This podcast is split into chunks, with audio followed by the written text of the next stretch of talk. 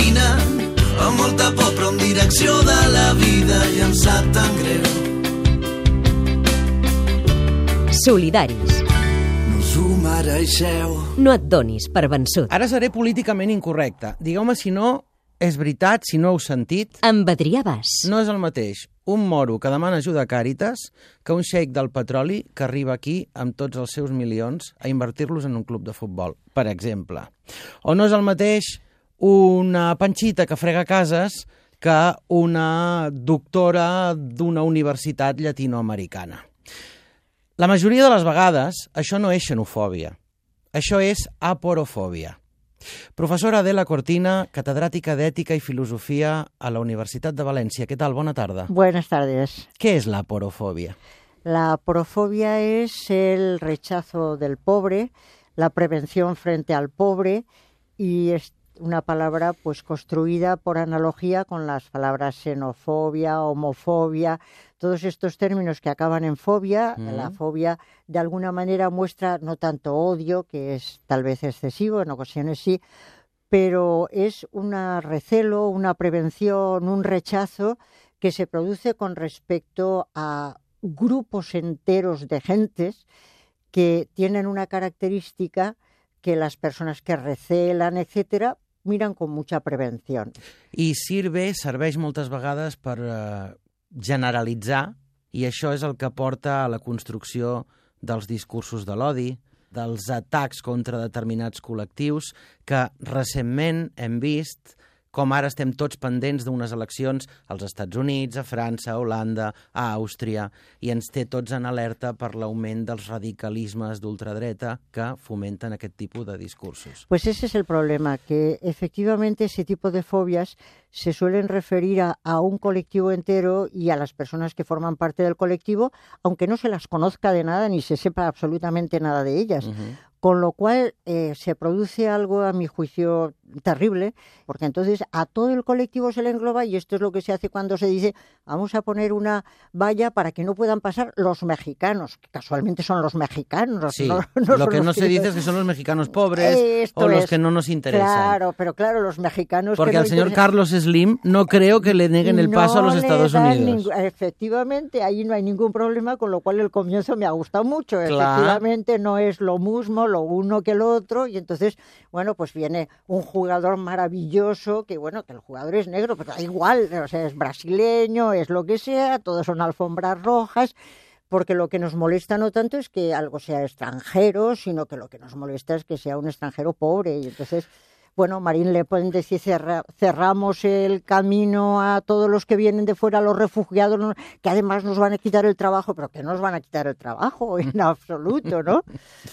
Tots som aporòfobs, aporofòbics, no sé com ho he de dir. Vostè és la persona que va inventar aquest terme, de fet. Yo inventé el término aporofobia, que no sé si es un término muy feliz, pero creo que es una necesidad poner un nombre Mm. al recelo que hay frente a los pobres, frente a los que parece que no tienen nada interesante que devolver a cambio, que por otra parte es un error, porque todo el mundo tiene algo interesante.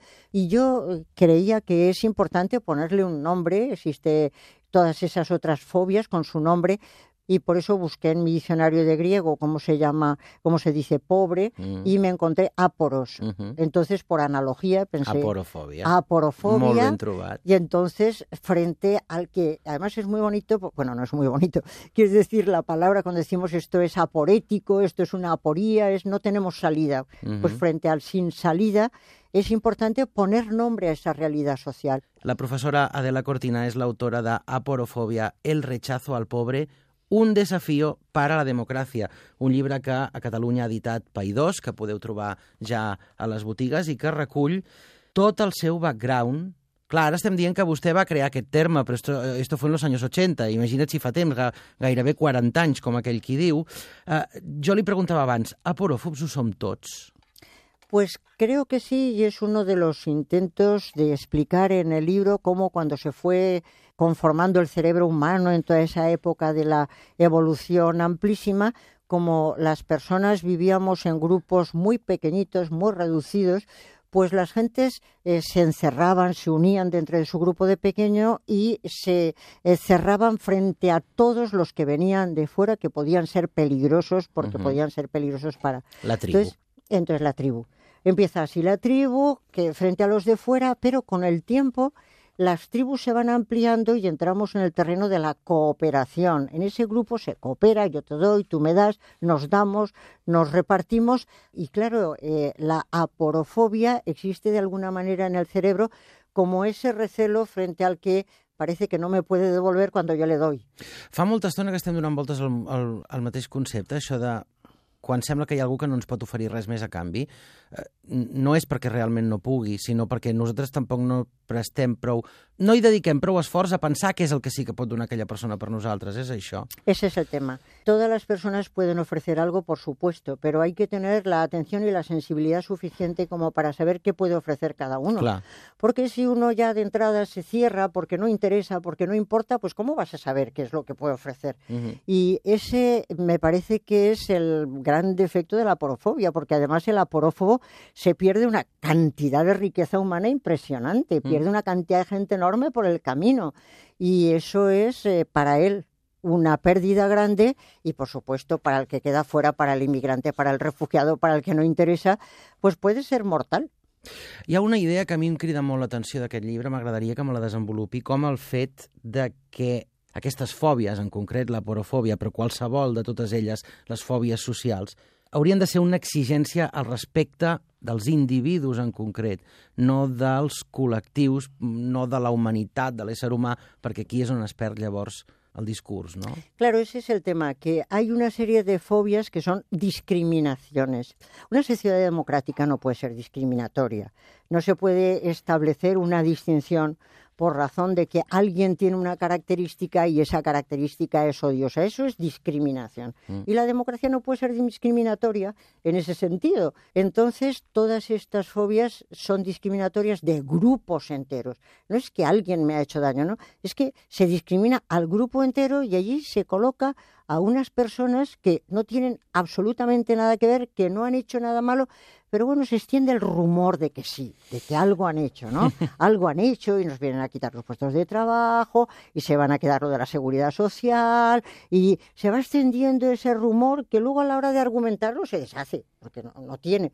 Pero como aquí no hay argumentación, sino que es un poco este, este vaho que va imbuyéndolo todo, pues estamos viviendo de un conjunto de discriminaciones que son letales para la humanidad, para la democracia y sobre todo para la persona que es rechazada que es una persona que tiene dignidad y no un simple precio, y no se le puede rechazar por las buenas porque tiene una característica que a mí no me gusta. Mm. I quan eh, ens trobem en una societat amb un 20-25% de pobresa, quan la pobresa la tenim a casa, això també és aporofòbia, és a dir, no, no afecta només a les persones que venen de fora, la porofòbia també la patim en la nostra pròpia tribu, en la nostra pròpia família. Claro, eso es lo, lo preocupante también de la aporofobia. Pero a mí lo que me interesa y he visto cuando hablo con los jóvenes y todo eso y les digo, bueno, pero no os dais cuenta de que lo que nos pasa es que efectivamente a todos nos gusta muchísimo presumir de que tenemos un pariente bien situado, de que tenemos, pero todo el mundo intenta silenciar que tiene un pariente pobre que está por ahí abajo y no. Sí. Y claro, los chicos jóvenes ante esto respiran y dicen, pues es verdad, pues es verdad, y es así de triste, porque entonces efectivamente lo estamos practicando en nuestra propia casa y no ponemos medidas para resolver el tema cuando en este momento sabemos todos que existen medios suficientes como para acabar con la pobreza. Hace dos siglos no, pero ahora sí.